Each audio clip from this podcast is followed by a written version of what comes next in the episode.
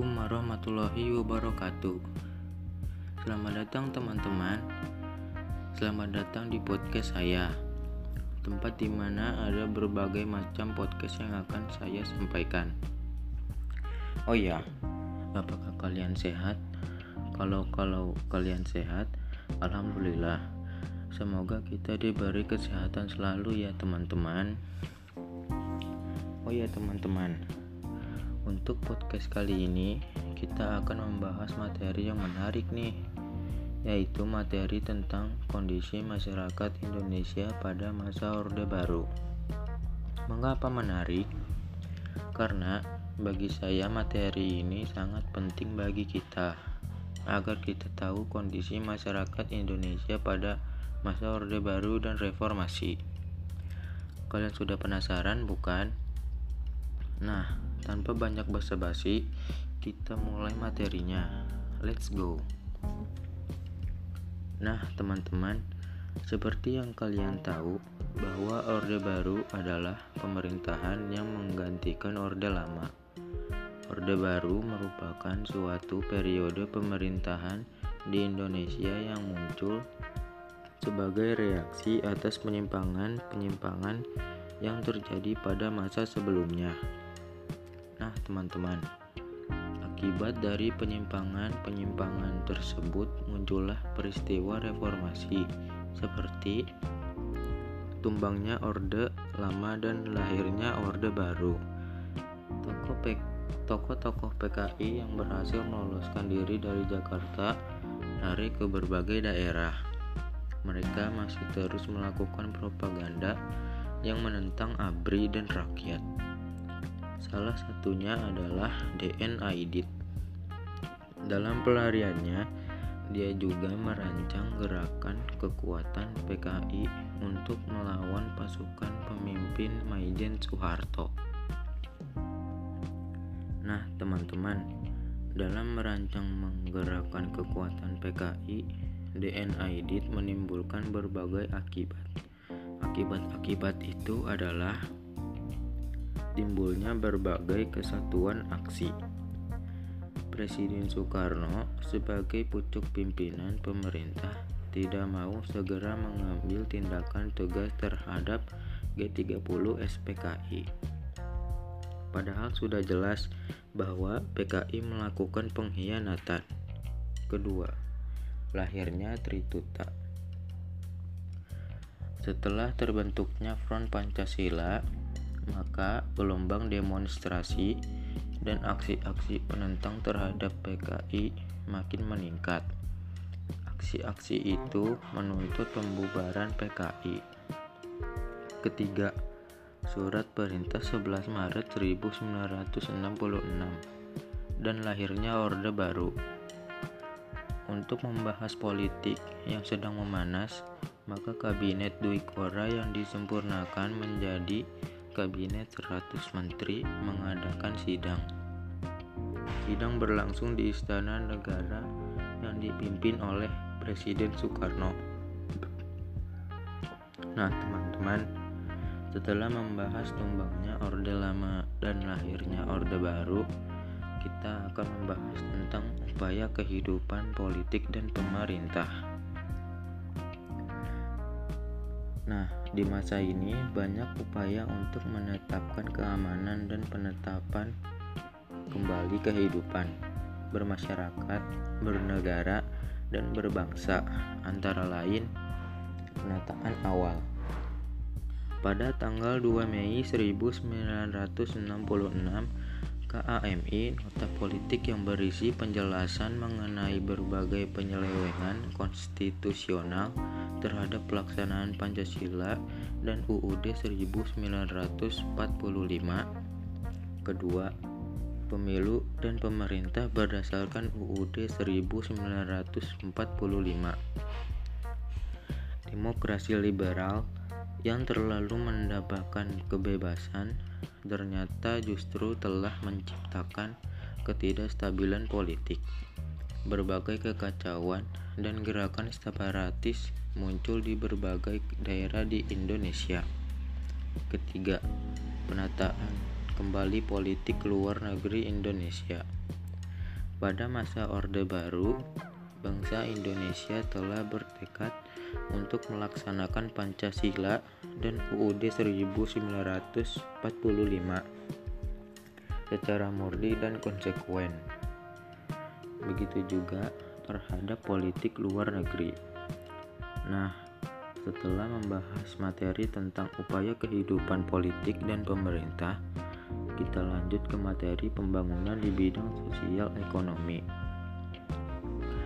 Untuk mewujudkan masyarakat adil dan makmur berdasarkan Pancasila, pemerintah melaksanakan pembangunan di berbagai bidang, antara lain: pertama, pelaksanaan pembangunan demi tercapainya tujuan pembangunan nasional yang begitu luas itu tidak mungkin dilaksanakan secara serentak. Pembangunan perlu direncanakan secara bertahap. Oleh karena itu, disusunlah pembangunan yang dikenal replita 1 sampai 5. Kedua, ada hasil-hasil pembangunan Pelita 1 yang dimulai pada tanggal 1 April 1969 itu dilaksanakan oleh Kabinet Pembangunan 1 dan seluruh rakyat Indonesia. Begitu seterusnya sampai Pelita 5. Untuk membahas pembangunan di bidang ekonomi, kita lanjut ke materi tentang masa akhir Orde Baru. Demokrasi pada masa Orde Baru yang dikenal sebagai demokrasi Pancasila tidak dapat berjalan sebagaimana mestinya dengan asal alasan menciptakan stabilitas nasional. Bagaimana kondisi politik, sosial, ekonomi pada akhir Orde Baru itu? Pertama, ada kondisi politik pada tanggal 9 Juni 1992 diadakan pemilihan umum. Pemilu ini merupakan pemilu yang keenam di Indonesia. Sejak itu, terbentuklah DPR hasil pemilu dan ditetapkan anggota MPR RI. Setelah ketua DPR MPR terpilih, kemudian diadakan pilihan presiden dan wakil presiden. Kedua, masalah penegakan hukum. Hukum telah menjadi alat para penguasa sehingga rakyat mendap sulit mendapatkan keadilan.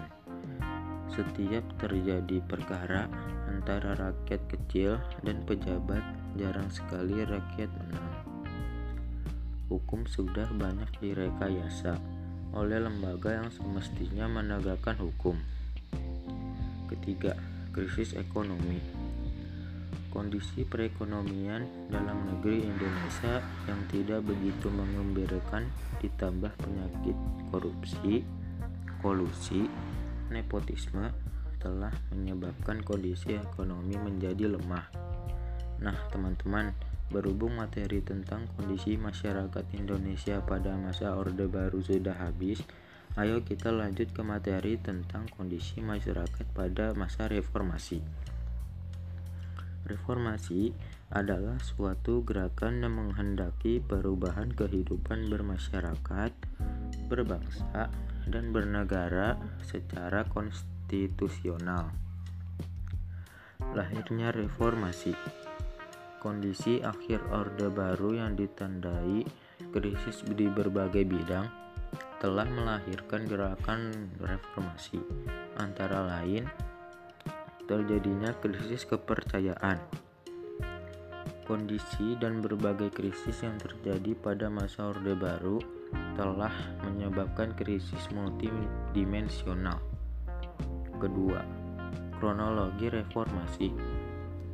Reformasi adalah suatu perubahan dalam tatanan kehidupan agar lebih baik gerakan reformasi yang terjadi di Indonesia pada tahun 1998 merupakan gerakan dari berbagai komponen bermasyarakat untuk melakukan perubahan dan pembaruan dalam kehidupan bermasyarakat, berbangsa, dan bernegara. Indonesia masa reformasi. Setelah resmi dilantik menjadi Presiden RI pada tanggal 22 Mei 1998, B.J. Habibie segera membentuk kabinet. Kabinet ini diberi nama Kabinet Reformasi Pembangunan. Sementara itu, untuk mereformasi bidang ekonomi, pemerintah telah merencanakan beberapa program, yaitu merekonstruksi perekonomian nasional, merekapitalisasi perbankan, dan melakukan likuidasi bank-bank yang bermasalah, berusaha menaikkan nilai rupiah. Nah, teman-teman, itu tadi materi tentang kondisi masyarakat Indonesia masa Orde Baru dan Reformasi. Ada banyak pilihan materi tersebut, jangan membuat kita bingung ya. Tapi justru dengan banyaknya materi tersebut membuat kita bebas untuk memilih dan meyakini materi yang mana pun. Oke teman-teman, telah pada akhir perjalanan untuk podcast pada hari ini. Saya berpesan selalu jaga kesehatan ya teman-teman. Saya pamit undur diri. Wassalamualaikum warahmatullahi wabarakatuh.